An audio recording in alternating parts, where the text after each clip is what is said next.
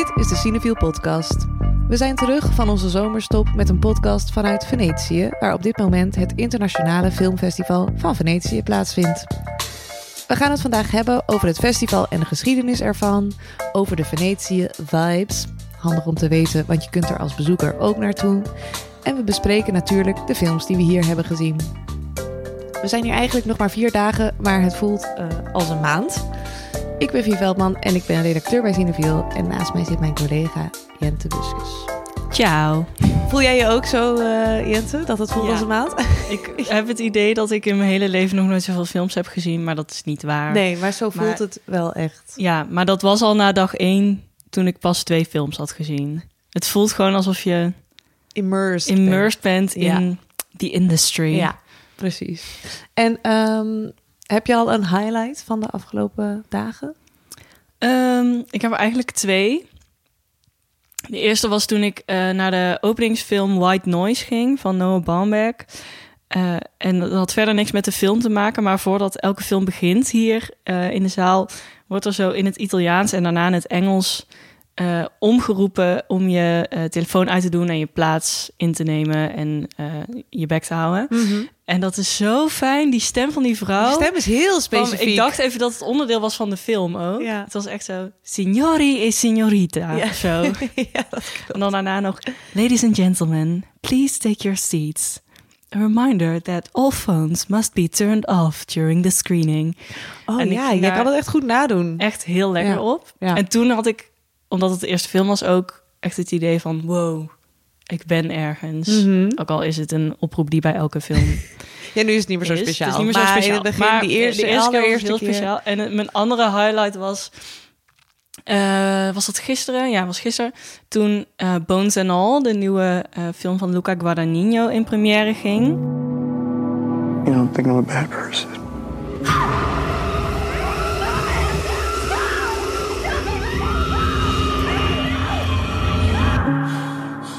En daarin speelt ook Timothy Chalamet. En het was een soort Timothy Chalamet Hive meet-up op het festivalterrein Ja. die dag. Want je mag gewoon het terrein op, ook als je niet een pers bent of überhaupt niet een bezoeker bent. En ik stond bij het Hotel Excelsior, waar eh, alle sterren verblijven om te kijken van... What's the hype all about? Eh, komt hij hier zo naar buiten? Want meestal lopen ze dan vanaf daar de auto in naar de Rode Loper, vlak voor de première. En die man stapt de auto in en meteen is het rennen. Ik kwam echt in een soort van stampede terecht van gillende mensen die achter de auto van Timothy Chalamet aanliepen, waarin je hem niet eens meer kon zien, want hij zat achter een geblindeerd raam. Oh ja. En ik ga Ja, daar dus het- heel lekker op, kwam ik achter. Ren je zelf ook mee of dat niet? Nou ja, ik rende, nou, ik moest al meerennen, want anders werd ik gewoon, werd er gewoon over me heen gelopen.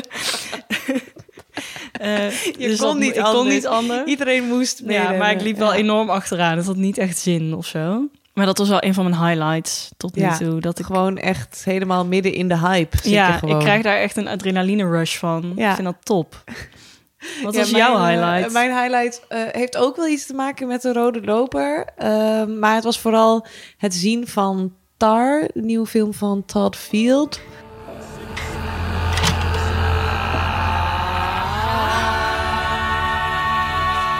Nou, daar hebben we het straks nog wel even over eh, als we die films bespreken. Maar dat vond ik echt een geweldige film met eh, Kate Blanchett als grensoverschrijdende orkestdirigent.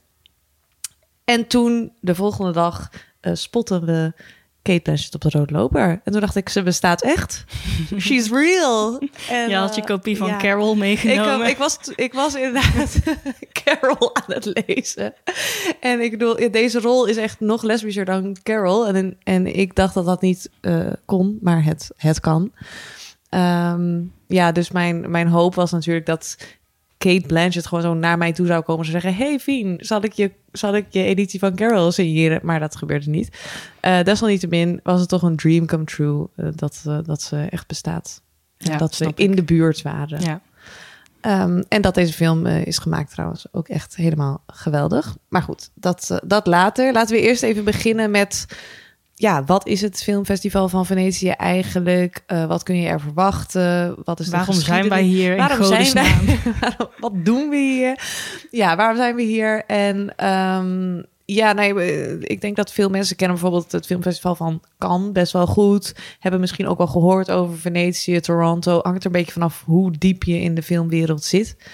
Uh, maar misschien is het wel leuk om gewoon even te kijken naar dit specifieke festival. En Jente, jij hebt um, wat research gedaan naar de geschiedenis Zeker. ervan. En dat is, dat is uh, best geen onbewogen Precies. Uh, nee, ja, een van de eerste drie zinnen van de Wikipedia-pagina van dit festival is: uh, The festival was founded in 1932 by avid fascist Giuseppe Volpi. en dat is ook zo. Het is een, een festival dat is ontstaan in de tijd dat het fascisme regeerde in Italië onder leiding van Mussolini. Die zag ook de soort van propaganda ja, uh, film, mogelijkheden van film gewoon. Film werd in de jaren dertig gewoon een steeds populairder medium. Ja. Uh, en ook iets waar je echt een verhaal mee kon vertellen... in plaats van alleen maar een bewegende trein laten zien. Ja. En uh, daardoor werd het opgericht als onderdeel van de Biennale. De kunstexpositie die nu ook, die nu ook is. is ja. Um, dus door uh, Giuseppe Volpi, die was destijds um, de minister van Financiën onder Mussolini. En hij heeft het samen met nog twee anderen uh, eigenlijk opgezet. En daarmee is het ook het oudste filmfestival ter wereld. Uh, veel ouder dan iets als Cannes, wat in de jaren 40 pas is opgericht.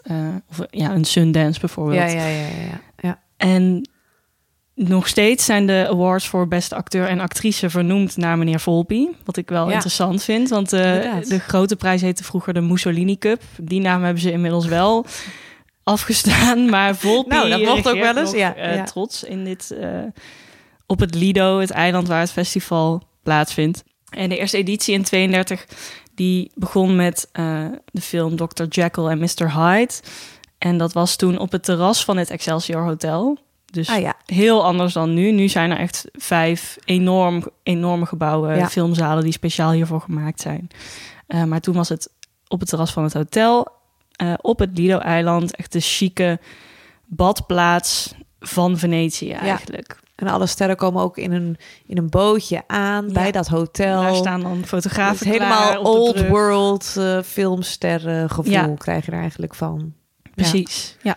En ja, ook bij het, bij het Excelsior Hotel eh, verblijven de meeste sterren. Daaruit vertrekken ze naar de Rode Loper. En daar uh, heb je ook de interviews met de groten der aarde. Mm -hmm. Als je geluk hebt. Als je geluk hebt, ja. Um, en in 1936 kwam het een beetje los te staan van de biennale. Werd het niet meer echt zo'n onderdeel van die kunstexpo. Maar daardoor werd het ook weer nog gevoeliger voor politieke bemoeienis. Um, en in 1938 won nazi-propagandafilm Olympia van uh, Leni Riefenstahl, de, de prijs voor beste buitenlandse film. Toen dus nog de Mussolini Cup. Toen nog de Mussolini Cup. God, en uh, ja. toen gaf Mussolini ook de prijs voor beste Italiaanse film aan zijn zoon. Toen waren aan Amerika zijn zoon, aan, aan zijn, zijn zoon. Oké, okay, ja. Uh, oh, dus jeetje. los van het fascisme heb je ook nog ja. nepotism baby's in Venetië. Ja. Um, ja. Maar toen was de maat een beetje vol voor Amerika, Engeland en Frankrijk. Dus die verwijderde zichzelf uit de jury van het festival. Um, en wilde ook niet meer meedoen met de competitie. Ja. En die zijn dus naar Cannes getrokken om daar een nieuw festival op te richten zonder politieke inmenging. Als je meer wil weten ah. over kan trouwens, luister vooral onze podcast daarover, want die, dat festival heeft ook echt een hele interessante geschiedenis. Ja. Maar kan bestaat dus eigenlijk door Venetië.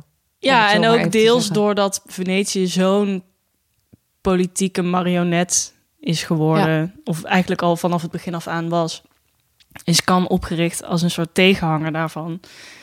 Um, en heeft het zichzelf ook heel lang geprofileerd als...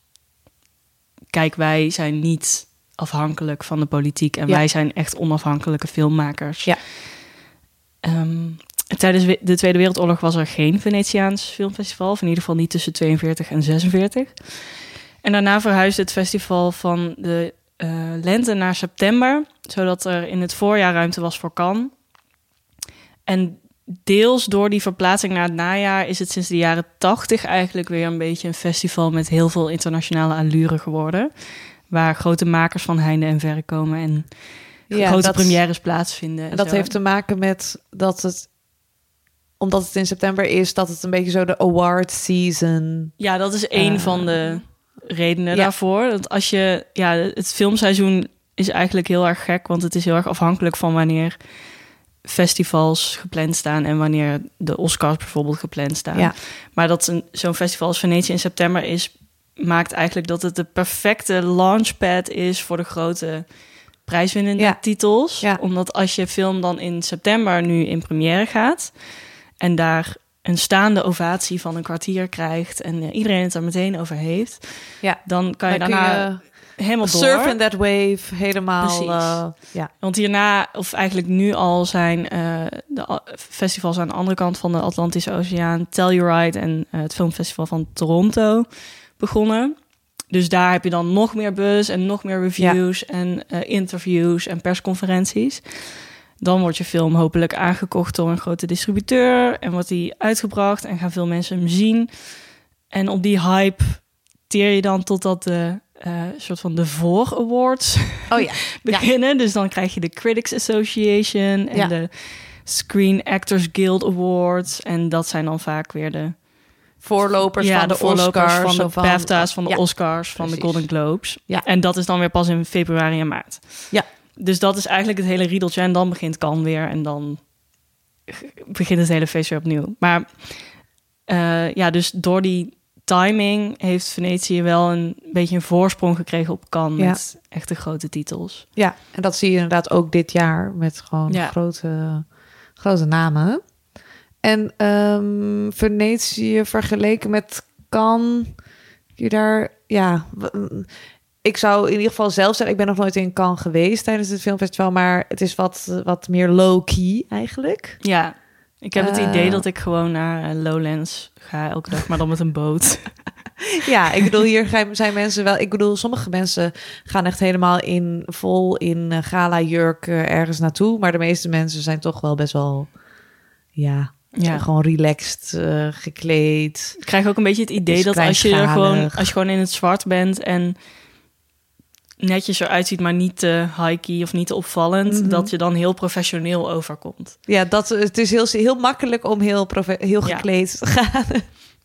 dat klopt, ja. En kan is toch meer een soort van glamour. Ja, en ook wel, daar, daar staan ook mensen met bordjes buiten de zalen met heeft er iemand een kaartje voor mij over? En is er heel erg een hiërarchie tussen welke pers voorrang krijgt Oh, ja. en wie Ja. niet. En Ja, hier is, dit hier is, is echt dat heel bijna niet Ja. zo. Nee, klopt. Ehm, maar ja, dus daardoor heeft Kan ook wel een allure gekregen, denk ik. Ook omdat de Côte d'Azur natuurlijk een Ja. beetje glitzy is.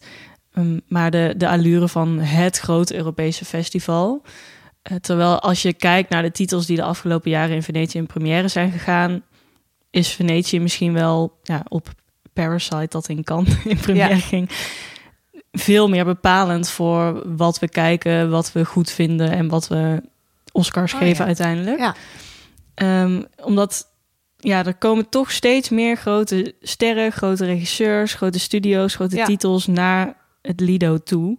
Ja. En dat komt ook wel een beetje doordat kan heel erg streamingdiensten heeft geweerd. Ja, terwijl hier is Netflix jaren. overal. Netflix is overal. Ja, mensen kan, Mensen met een tote bag van Netflix, die zie je de hele tijd. Ja.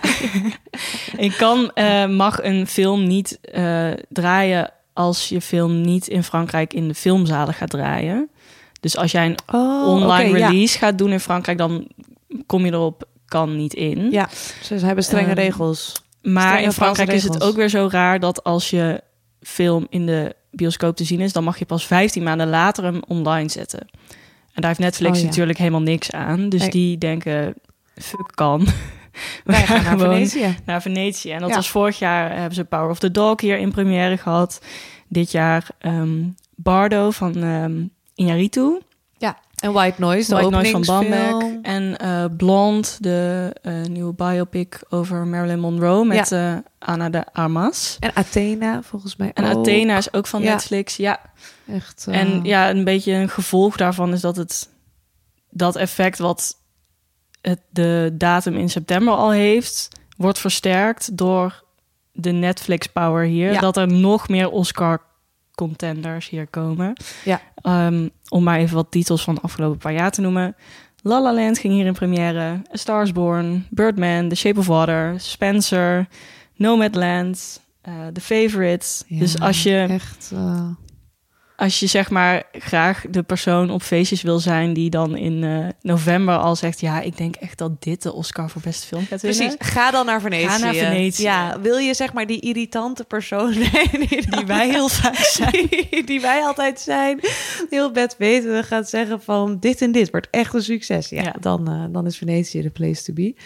Eh, ja, ik weet inderdaad nog van ehm eh, Star is Born. Ja, ik ben natuurlijk obsessed met, eh, met Lady Gaga. dat niet? zij, wie niet inderdaad, eh, dat zij dan ook zo uit zo'n gondel stapte met zo'n jurk. En zo. Ja. Ja. daarvoor is Venetië ook wel echt een perfecte plek Ja. om echt even lekker heel dramatisch te doen. En ik bedoel, Lady Gaga is ook nog Italiaans. I'm very Italian. I'm very Italian. I'm really Italian. zegt ze ook de hele tijd. Dus Ja. dat, ehm, Vorig jaar waren Jessica Chastain en Oscar Isaac hier ook, omdat ze een Oh ja. serie Scenes of a Marriage hier in première gingen promoten. En die kwamen ook zo de rode lopen op, zo arm in arm, terwijl ze helemaal geen relatie hebben. En hij kust dan haar schouder en daar zijn helemaal slow motion fan edits van gemaakt, omdat het zo hot was. ja. Dat, ja, dat soort momentjes heb je hier toch Ja. wel. Veel, veel van dat soort eh, Ja. momentjes. Ja. Maar daardoor is het wel ook een minder breed en minder divers festival dan misschien kan of eh, het filmfestival van Berlijn dat zijn. ja. Berlijn is ook veel politieker, eh, Ja. bijvoorbeeld. Dat is hier ook niet. eh, Het voelt wat commerciëler misschien ook. ja, Ehm, en ook heel erg op de pers gericht. op de pers, op dus- West-Europa, op Amerika. Ja. Ja. zeg maar voor echt de experimentele pareltjes. Nou ja, je hebt wel de Horizonti selectie. Daar kun je, kun je nog wel echt wel wat echt leuke nieuwe dingen vinden. ja, dat is een beetje de selectie voor jong talent en nieuwe filmtrends. eh, Ja. Die up en coming Ja. zijn eigenlijk. Maar daarin vind je dan nog wel af en toe ja, wat coole makers waar je nog nooit van hebt gehoord. Of eh, films met een heel ander perspectief dan de rest van het programma. Ja. Terwijl de competitie en ehm, de, de rest van het programma best wel Amerikaans en eh, veel mannelijke makers ook hebben. Ja, En eh, ook heel veel Italiaans en West-Europees. Europeaans? West-Europees. ja, ja. Dus dat is wel eh, dan de, de keerzijde van het feit dat het echt zo'n hype festival is. Ja, dat klopt. Ja, ja, zeg maar voor diversiteit moet je dan weer niet naar Venetië Nee. eigenlijk. Om het even, ja, een heel, beetje. heel kort door de bocht te zeggen. Precies. Ja, Ja, maar- een beetje kort door de bocht, maar toch wel ook wel weer Wel, waar. Wel waar. ja. Ehm, dus je hebt die officiële selectie, je hebt de Horizonti selectie, daar heb je ook een specifieke jury voor. De officiële selectie heeft ook een specifieke jury Ja. met Julianne Moore Nee. als hoofd van de jury dit Ja. jaar. Die kwamen wij tegen in de damestoiletten van dag eh, één. eh, op dag één. Dus toen was onze trip al helemaal compleet. Eh, Kazuo Ishiguro zit ook in die jury. Ja. Er zitten nog andere filmmakers. eh, in, Allerlei ja, het- takken van de branche Precies, eigenlijk. Echt ja, van echt producers een- tot eh, schrijvers tot cinematografen. Eh, en dan heb je nog eh, de jury ook van de Horizonti selectie. Ja, daar zit bijvoorbeeld Tessa Thompson in. Ja. En die reiken dan een prijs uit voor bijvoorbeeld beste debuutfilm of zo. Ehm, terwijl die officiële selectie, dat is de selectie van films die meedingen naar de Gouden Leeuw. Dat is dan de, het hoogst haalbare. Dat Ja. is de Gouden Palm en de Gouden Beer van Venetië. Dan heb je nog de Grand Jury Prize. Dat is de zilveren medaille. En de Special Jury Prize. Dat is de bronzen medaille. De Volpi Cup, waar we het net over Volpi hadden, die gaat naar be- Oh, de oh. beste acteur en actrice. En je hebt nog een Golden Ocella, dat is een soort muntje. Die eh, gaat naar een, een technische categorie. Dus ehm, beste screenplay of beste cinematografie of ehm, sound design of costume of zo. Ja. Ehm, en je hebt ook nog een heel deel out-of-competition films. En dat zijn gewoon grote premières van gevestigde namen die toevallig hier zijn. En niet per se meedingen naar een prijs. Dus je hebt best wel veel ja, verschillende Ja. selecties eigenlijk. Ja. eh, om En dan draai ook klassiekers. Er is een heel VR-programma. Ja, er is een Waar wij VR allemaal geen tijd voor hebben. eiland. nee, dat klopt. Er is Nee, een dat, eh, VR-eiland. Ja, dat vind ik ook wel cool. Je moet echt met een bootje naar het VR-eiland. Ja, zeg maar, dat, dit eiland is dus niet virtual reality in de zin van dat het niet echt Het is bestaat. niet van Mark Zuckerberg. Precies, het, het bestaat echt. Het is gewoon een echt bestaand eilandje. En daar, eh, dat is volgens mij Venice Immersive, heet dat, eh, heet dat programma. Maar inderdaad, wij hebben er niet zo heel veel tijd voor. Want we zijn eigenlijk vooral gewoon films aan het kijken... waarvan we hopen en denken dat ze in Cineviel gaan ehm, draaien. En misschien spot je later die dag de ster van de film eh, op de rode loper. Of in, of in het damestoilet. Of ergens anders. Of ergens ja, anders, het is, ja. eh, het is gewoon best wel klein, dus dat, dat kan. Ja. ja, we komen ook wel veel eh, programmeurs van Cineville Theaters tegen. Precies, heel Of, gezellig. eh, heel gezellig is Ja. dat. Ja. En ook Nederlandse pers en zo. Dus Ja. het is echt, eh, ja, dat had ik ook met het festivalgevoel. Dat je echt denkt van, oh ja, ik loop hier gewoon mensen tegen het lijf. Omdat we allemaal niet dezelfde band, maar in dit geval dezelfde film willen zien. Ja, precies, ja. Ja, dus dan, eh, dus je kijkt misschien, ja, wij kijken denk ik twee of drie films op een dag. Zo, ja, je zou er meer kunnen kijken, maar Ja. dat is voor ons hangt het er natuurlijk ook van af van wat voor content gaan we hierbij. eh, we moeten natuurlijk ook tijd hebben om, Ja. om deze podcast En je wil ook niet in slaap vallen aan Ook het dat. van de dag. ook dat. Eh, en ja, overal eh, staan barretjes met heel veel Aperol Spritz. Vooral. Ja, waar de Italianen Ehm, ook gewoon om 11 uur 's ochtends mee beginnen. Ja, blijkbaar is dat heel erg geaccepteerd hier. Eh, nou, en dan de volgende dag ben je, ben je weer klaar voor precies eh, hetzelfde schema eigenlijk. Eh, dus ja, zo ziet het er een beetje uit. Tenminste voor ons. En eh, dat is heerlijk, vind ik in Ja. ieder geval. Ik weet precies waar je aan toe bent. Ja, en, eh, nou ja, en wat dus wel fijn is, ook vergeleken met Cannes bijvoorbeeld, is dus dat het, dat het vrij klein is. eh, of tenminste, ja, het, eh, het terrein is vrij, vrij klein. Ehm, het is heel overzichtelijk. Je komt elkaar makkelijk tegen en iedereen kan er naartoe. Dus je hebt wel gewoon, ja, je hebt en industrie en pers en celebs en mensen die heel graag beroemd willen zijn, maar het niet zijn Ja. en waar zich wel zo kleden en dan fotografen gaan inhuren om ze te fotograferen. Ehm, en gewoon eh, de, de, de gewone Het bezoeker. klootjesvolk. Precies, die is er ook. Dus dat, eh, nee, dat, dat, dat is een hele leuke mix eigenlijk. ehm. Ja, en die overzichtelijkheid zit ook wel in de ehm, planning van eigenlijk het blokkenschema van het festival. Zeker als Ja. pers merk je dat heel erg. Films gaan vaak 's ochtends of de avond van tevoren in een soort perspremière. Dus dat zijn screenings waar eh, alleen mensen met een perspas of een industriepas eh, naartoe kunnen. Ehm, en dat is dan echt om half negen 's ochtends. Dus dat is best wel heftig. Er zijn vaak ook nog screenings om 11 uur, gelukkig. Ehm, en dan daarna is er een persconferentie met de makers en de, en de cast en zo. En dan smiddags ehm is de film soms nog ergens anders te zien in een publiekscreening of later in de week. Smiddags zijn ook veel van die Horizonti-films te zien. En dan s'avonds zo rond een uur of half zeven stroomt de Rode Loper vol. Dan begint het. Dan begint het. Ja. En dan eh, om kwart voor zeven ongeveer stipt rijden de auto's voor het hotel Excelsior langs. Stapt iedereen in, rijden ze 10 meter verder naar de ro- het begin van de rode Ja. loper. Maar echt gewoon voor die 10 meter is het wel, denk ik, best fijn om een auto te hebben. Mhm. Want iedereen... Ja, anders word je besprongen. Ja. Nou, als je Timothée Chalamet be- bent, Ja. dan word je besprongen. Ja. Ehm, ja, of als je Greta Gerwig bent trouwens. Daar werden ook gewoon eh, Oh, enorm ja. veel foto's Ja. mee gemaakt. En Noah. Baumbach stond Ja. daar zo achter als een heel anoniem mannetje. Terwijl iedereen Adam Driver en. Greta Gerwig wilde zien. Maar dan, eh, ja, dan zijn ze op de rode loper. Dan worden daar foto's gemaakt. Dat dan- duurt heel lang. Ik eh, had nooit verwacht dat dat zo lang duurde. Dat mensen gewoon 20 minuten daar staan. En het begint ook gewoon met allemaal mensen die je helemaal niet kent. Die dan zijn uitgenodigd voor die officiële gala-première. En dan Ja. denk je, wie is dit? Moet ik deze persoon kennen? Het antwoord is nee.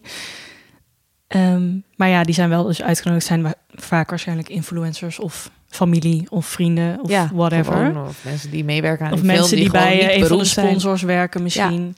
Ja. Ehm, die, eh, ja, die premières die zijn dan zo om zeven uur of half negen.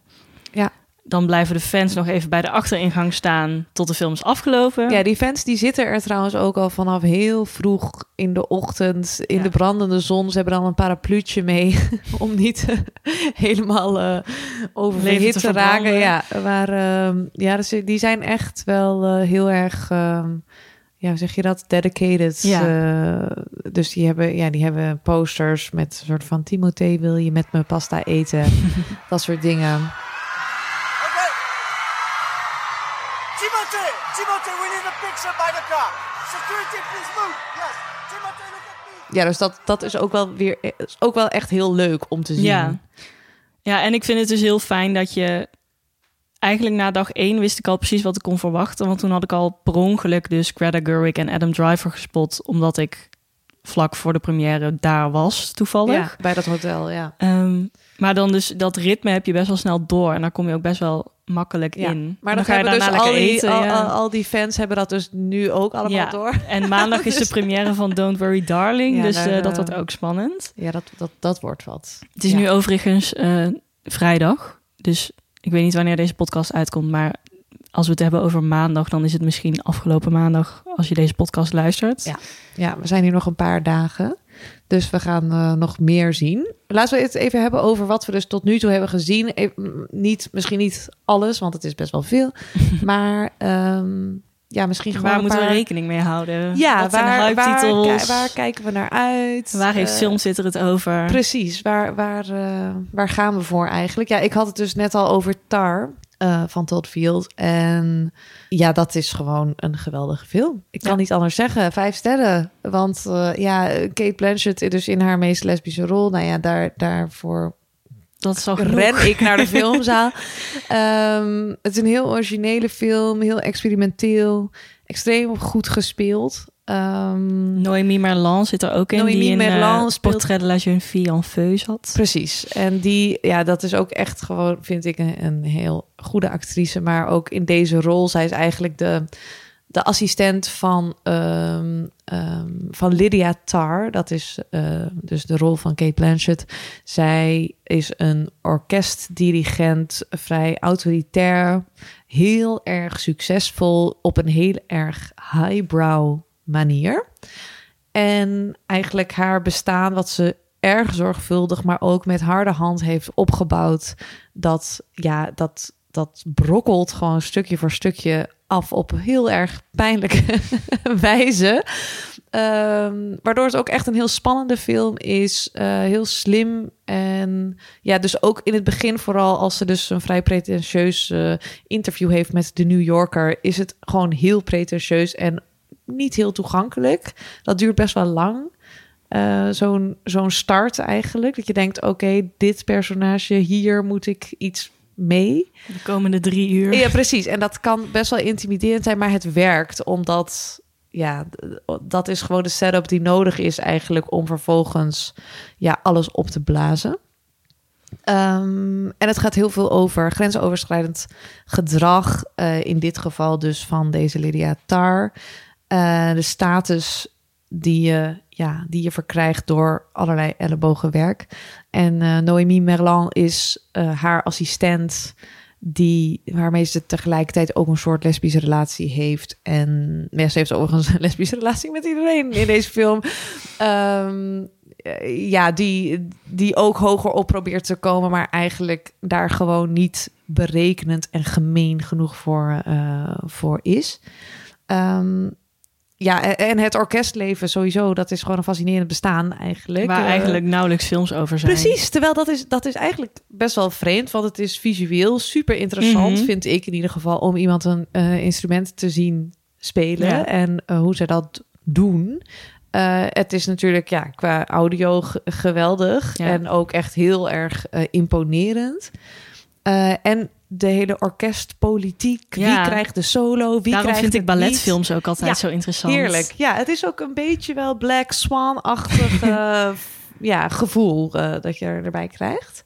Ehm, nou ja, en dat orkestleven, ja, dat is ook voor heel veel mensen echt dan... dat is gewoon je hele leven als je zo'n muzikant bent. Dus er Mhm. hangt ook van alles van Ja. af en je hele leven staat eigenlijk op het spel. Ehm, als iemand dat bijvoorbeeld probeert te saboteren of wat Ja. dan ook. Dus dat, eh, dat ja, ik, ik was echt helemaal eh overdonderd door deze film. En deze film begint overigens met de aftiteling. En dat is dus een microtrend die ik eh, heb gespot. Ja. Want dat is bij Master Gardener was dat ook zo. Ja, en bij Living ook. Oh, en Living ook, ja, Ja. inderdaad. Dus Of ja, het- ja, het begint gewoon met zo van starring, puntje, puntje. En, Ja, En dan gewoon echt een hele lange af... Of ja, zeg maar dus niet een Ja, aftiteling. De gewoon de credits. credits, de opening credits. credits. Ja, de opening credits. Die zijn, eh, terwijl die zijn heel lang... Ja, Ja. eigenlijk afwe bijna afwezig Dat eh, geweest. merkte ik ook bij ehm, White Noise. Die heeft geen opening credits, maar ehm, Noah Baumbach, de regisseur, is heel erg fan van credits. Die wil echt, als hij de film heeft gekeken of een film heeft gekeken, wil hij echt nog even zitten en Oh ja. naar de tekst kijken. Hij had in een interview gezegd dat zijn eh, zoon, geloof ik, dat saai vindt en meteen wegloopt. Eh, maar dat hij eigenlijk het liefst het over de graphic design wil hebben van het font met zijn gezelschap. Oh ja. Maar eh, eh, bij White Noise heeft hij er dus echt een feestje van gemaakt. Want daar zit een nieuw nummer van LCD Sound System onder. Oh, cool. En dat is een heel gechoreografeerde scène... waarin alle personages in een supermarkt rondlopen en dansen. Met dus die aftiteling daarbij. Echt zo, waardoor je denkt van... dit, ik moet gewoon blijven zitten. Ja, een soort videoclip is het Ja. gewoon. Ja. Eh, Oh, ja. Wat wel grappig is, want het is een Netflix-film. En Ja. Netflix is very known voor ja, dat ze altijd de die, die skip aftiteling- credits knop, Ja, knop eigenlijk. heel stom vind ik. Nou ja, ze Ja. skippen die credits automatisch bij Netflix. Je wordt al ik- meteen naar de, het volgende Ja. ding geleid. Echt zonde, want ik hou ook altijd heel erg Ja. van, eh, van credits en van heel lang blijven zitten. Overigens doe ik dat hier niet, want hier is het gewoon applaus. En dan, ja, inderdaad, moet je gewoon weer door. Ja, verder wat ik ook echt een heel goede film vond, was eh, Bardo or False Chronicle of a Handful of Truths. Ja, ik noem het gewoon Bardo, want ik vind dit een heel erg lange titel. Ja. Van Iñárritu is deze film. het was bij Birdman ook. Was Birdman or Ja, puntje, puntje, puntje. Gewoon zo. Ik kan het nooit onthouden. Heel erg, eh, heel, heel lang.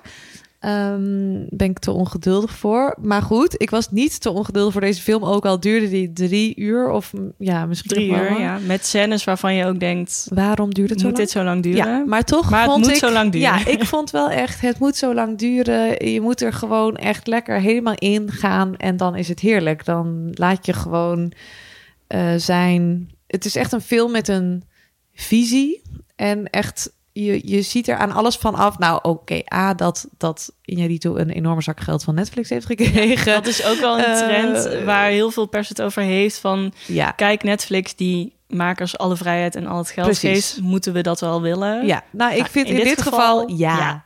ja. want dat zie je eraan af. Maar je ziet er dus ook heel erg aan af dat Iñárritu precies heeft kunnen maken wat hij wilde maken. Het, is ook, het voelt heel Ja, autobiografisch. het is heel, ja, dat, dat, ja, dat, eh, nou, ik, ik zou, we zouden ook wel zeggen, dat is het gewoon. Dat is het ja, gewoon, ik ja. bedoel, ik ken hem niet persoonlijk, maar ik denk dat dat toch echt wel dat dat zo is. Ja, het is gewoon een heel mooie associatieve film over de ethische, of eigenlijk vooral de onethische kant van het maken van films. In dit geval eh, van de onethische kant van roem en succes. En daarin zie je echt een reflectie op zijn eigen carrière. Ehm, ja, dat, alleen dat al vond ik een, een interessant verhaal. Maar eh, maar er zit een, he- een extra laag van betekenis eigenlijk door dit hele verhaal heen, omdat het ook een eh, verhaal is over de grens tussen eh, Mexico en de Verenigde Staten. En dat het gaat echt over die fysieke grens. Hoe ziet die grens eruit? Wie gaat daar overheen? Hoe gaan ze daar overheen? Wie overleeft dat en wie niet? Wie mag er terugkomen en het nog Precies. thuis noemen? Ja, precies. Wie kan gewoon makkelijk die grens over en wie, eh, en wie niet? Nou, heel veel mensen natuurlijk niet. En kun je daar eigenlijk wel een film over maken als je, eh, zoals Iñárritu, gewoon een enorme bougie eh, filmmaker status hebt Ja. gekregen eigenlijk. Of je, en ook of je dat nou wilde of niet. Ehm, dus dat, eh, ja, dat is gewoon een drie uur durende trip door, door het brein van Iñárritu. En ik vond het, ik Ja. vond het geweldig. Ik had echt, toen ik eruit kwam, dacht ik, wat vreselijk. Ja, er zijn toen- meningen over Toen heb ik een paar gesprekken met Fien gehad. en inmiddels heb ik mijn rating aangepast naar vier sterren. Het is, ja, je moet er wel van houden. Maar het is wel, ehm, wat jij zegt, iemand met een visie die die tot in de puntjes heeft kunnen uitwerken. Ja, daar hou En ik altijd heel erg elke van. filmmaker is daartoe in staat. Nee, en ook niet elke filmmaker krijgt de kans. Van ja, sommige maar als je die filmmakers kans krijgt, kun je hem ook nog enorm verpesten. Precies, ja. Ja, klopt.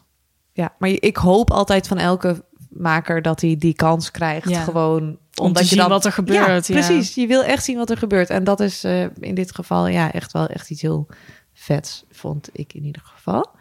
Ehm, en een andere film, die heb ik gisteravond gekeken. En ik was eigenlijk heel moe, want het was kwart over tien. En dat is echt een soort van mijn bedtijd. dus, eh, maar ik dacht, nou, ik ga hier toch naartoe, want ik wil dit gewoon zien.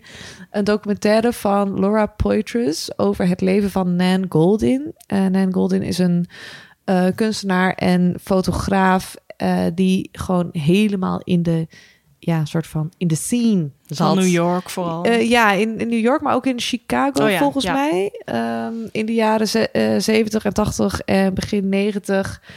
Ehm, dus het gaat heel erg over haar leven, ehm, ook over haar jeugd. Maar het gaat tegelijkertijd, is een, het zijn eigenlijk twee films in één. Nou, het gaat eigenlijk over duizend dingen.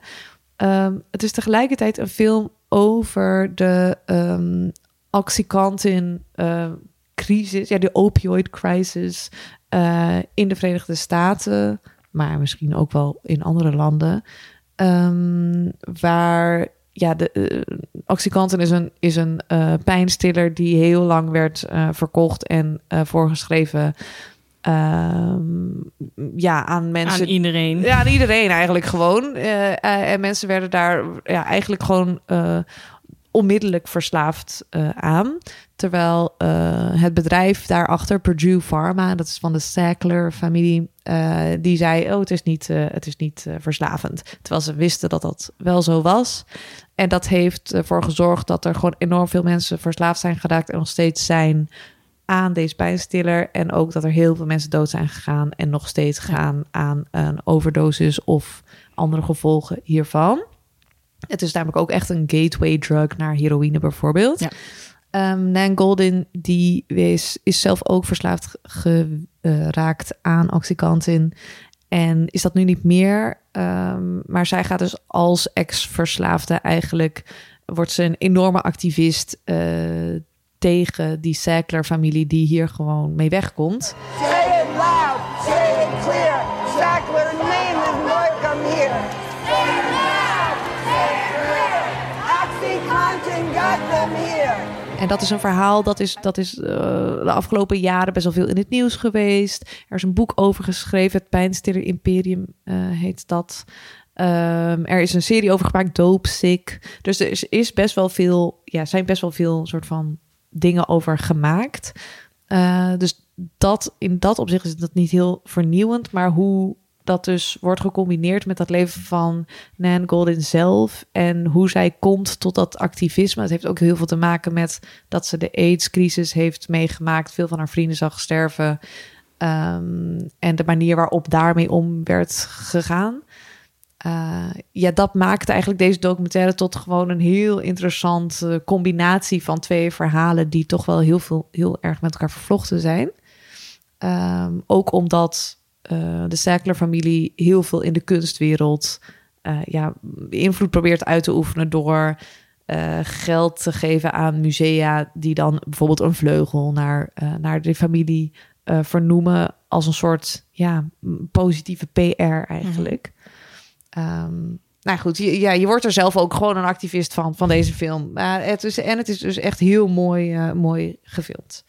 Dus ja, dat waren wel echt mijn drie highlights tot nu toe. Ehm, verder heb ik Living gezien. Ook echt een, eh, een ontroerend verhaal over het, het leiden van een compleet leven. Mr. Williams, a little on the frosty side, perhaps. Not too much fun and laughter. Rather like church. Geschreven door Kazuo Ishiguro. Echt een aanrader voor alle Ishiguro-fans. Je, je, dat, dat zie je gewoon helemaal in terug, dat, dat hij dat heeft geschreven. Eh, Die komt eh, volgend jaar in, eh, in Nederland uit. volgend jaar in Wanneer weten we nog niet precies, maar ja. Ja. waarschijnlijk begin volgend jaar Ja. ergens. Master Gardener, film over een tuinman met een, met een duister verleden. En Bones en al, ja, mm, cannibale romantiek zou ik het, zou ik het noemen. Met, eh, met dus Timothée Chalamet en Taylor Russell. En Taylor Ru- Russell die draagt echt deze film. En zij is gewoon een geweldige actrice Ja. ehm, in deze film. En dat was, voor jou was dat, die laatste ook wel echt een Ja, highlight. jij vond het volgens mij heel saai. ik vond het saai, ja. Ik vond Ja. het top. Ja. Eh, hij heeft ook een hele goede Rotten Tomatoes rating. Dus misschien is het niemand is helemaal fout. Niemand is het met mij eens. Hij komt eh, 24 november uit. Het is de nieuwe film van Luca Guadagnino. Wat sowieso echt mijn lievelingsregisseur is, denk ik. Suspiria. Suspiria, Call Me By Your Name, Ja. Bigger Splash. Ja. Om maar wat titels te Om maar noemen. wat te noemen, ja. Ehm, en het is gewoon, het is inderdaad een eh cannibale romantiek film. Ehm, en heerlijke gory horror. Maar ook eh, een film over liefde, over coming of age, over eenzaamheid. En ook eh, met, vind ik, hele duidelijke queer thematiek. Die, ja, dat, dat zit heel erg verweven met hoe cannibalisme wordt ja. weergegeven in deze film. En als je dat hoort, denk je, hmm, queerness vergelijken met cannibalisme klinkt een beetje fout. Ehm, maar dat is precies niet het punt. Eh, ja, het gaat eigenlijk over accepteren wie je bent Mhm. op een bepaalde manier. En het is, eh eh Guadagnino zelf heeft gezegd dat het heel erg geïnspireerd is door een film als Texas Chainsaw Massacre, wat ik al top vind. Het Ja. is eh, Het is een roadtrip het is een tegelijkertijd. road movie, wat Ja. ik ook top vind. dat is Ja. mijn favo genre. En eh, ja, het voelde ook een beetje als Thelma en Louise, maar dan met Kannibalen. Timothy Chalamet als Susan Sarandon. Ja. En ook een beetje als Raw. Dus je moet ook houden van mensen die ineens een vinger afbijten. Maar ik vond het Ja. heerlijk. En dat vond ik ook eh, wel, eh, dat vond ik ook wel geweldig. Ik had, ik had het gewoon wat bloederiger. Nog Ja, bloediger? ja. Ja. het was niet zo goor als Suspiria. Nee, misschien dat ik daardoor een beetje op het verkeerde been was Ja. gezet. Ja. Ja, en ik vond ehm, White Noise, die krijgt hele gemengde reviews. Maar het is ook niet echt een hele logische follow-up na eh, de vorige film van Noah Baumbach, Marriage Story.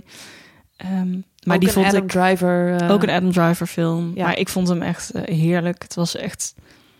Er gebeurde zoveel. En gebaseerd op veel... een roman van Dan DeLillo. Ja, DeLillo? klopt. Uit Ja. 1985. Ehm, en het, het is een soort ultieme post-corona film, maar tegelijkertijd denk je niet als je de zaal uitloopt van... oh, oh mijn god, waarom maken we films over Ja, corona? precies. Want dat is wel eigenlijk altijd als ik dan het woord corona in een soort van coronafilm. Corona Ja. ik dan denk ik al meteen, ugh, nee, dat wil ik niet. Maar eh, eh, laat je daardoor niet afschrikken. nee, ja, ik wil hem heel graag laten zien. Ja, Ja, Ik, het is eh, wel- denk ik wel Love It or Hate It. Maar dat, dat zijn sowieso de leukste films om te kijken, denk ik. Want daar kun je Mhm. het over hebben. En verder heb ik eh gisteren eh Monica gezien. Dat is ook wel een ja, heel mooie, maar wel hele eh, ja, zachte film.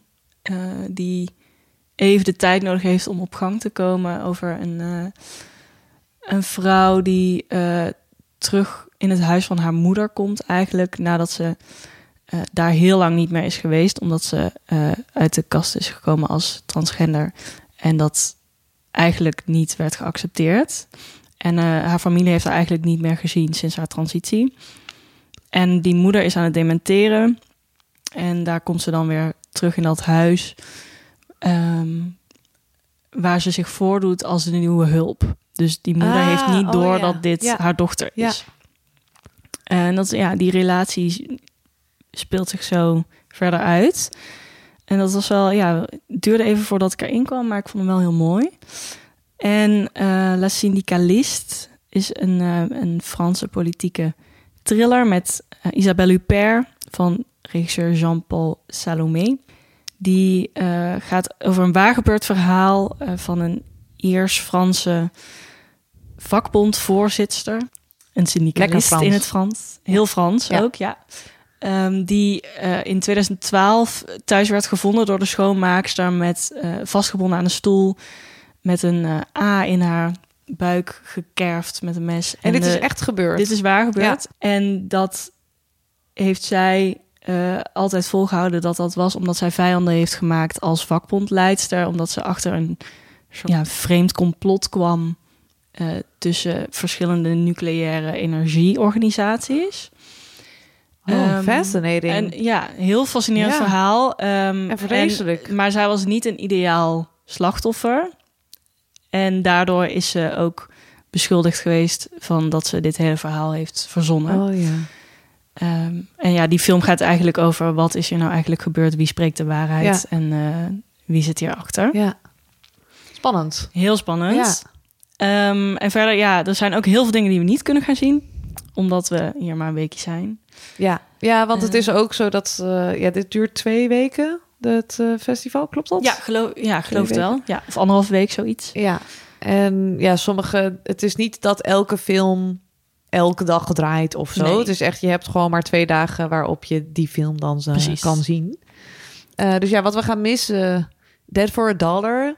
Leuke western. Hadden we wel, hebben, hebben we zin Ja. in, maar helaas. Saint-Omer van eh, Alice Diop. Ah, ja. Die lijkt mij heel interessant over een, een, soort van court drama over een vrouw die haar eh, baby heeft achtergelaten op het strand. En of zij dan schuldig is aan moord en wat het verhaal daarachter is. Ja. No Bears. Van Jafar Panahi, Ja. die nu in de cel zit in Iran. Ja. We, had ik ook echt graag willen zien. En The Son van Florian Zeller, die eerder The Father maakte. Ja, een soort vervolg op de vader. Ja. Wat ook echt een geweldige film was. Ja, Maar waar we wel nog heen gaan, ja. gelukkig. zijn de nieuwe film van Joanna Hawk. Eh die Eternal Daughter. Ja. Dus dat, De daar maker ik van de heel erg, eh, deel benieuwd 1 en naar. 2. Ja. Eh, Don't Worry Darling. Ja, ben ik, ik- vooral benieuwd naar, omdat daar zenuw- zoveel roddels zijn dat ik gewoon die film als film wil zien en daarna pas weer wil engagen met alles eromheen. ja, er is heel veel dat ze de Harry Styles en Olivia Wilde en Florence. Pugh-achtig. ja, inderdaad, drama. En ook wel een film waar heel veel hype over is, omdat er zulke beroemde mensen in Ja. spelen. Ehm, ja, waardoor het ook een totale mislukking zou kunnen zijn. Maar Precies. misschien, wie weet, Maar misschien, misschien is het geweldig. Ja, Ehm, en Love Life ben ik ook heel benieuwd naar van eh Koji Fukada. Ja. Ehm, dat is een, eh, ja, een familiefilm over een eh, ja, verloren vader die terugkeert en de zoon die daar dan weer mee moet dealen eigenlijk. Dus daar, dat ben ik Ja. ook wel heel erg benieuwd naar. En er is nog zoveel meer waar we helemaal geen tijd voor hebben. ja er is nog heel we veel. proberen zoveel mogelijk te zien, zodat we jullie als eh cinefielers zo goed mogelijk kunnen gidsen Precies. in deze weerwar van prachtige films. Inderdaad, Jente, ik ben het helemaal met je eens. Ehm, dat was hem weer, de Cineville podcast. Eh, de films die we hier hebben gezien zijn hopelijk allemaal later dit filmjaar te zien in Cineville. En wil je weten wat er precies nog meer ter sprake kwam? Check dan de show notes op onze website. Wil je op de hoogte blijven van alles wat er speelt? Schrijf je dan in voor de nieuwsbrief. Meekletsen of heb je vragen? Je kan ons mailen op podcast.cineviel.nl of tweeten via @cinevillpod. Eh bedankt voor het luisteren en dankjewel Jente. Prego. En eh, wij gaan eh, aan de Aperol. Arrivederci.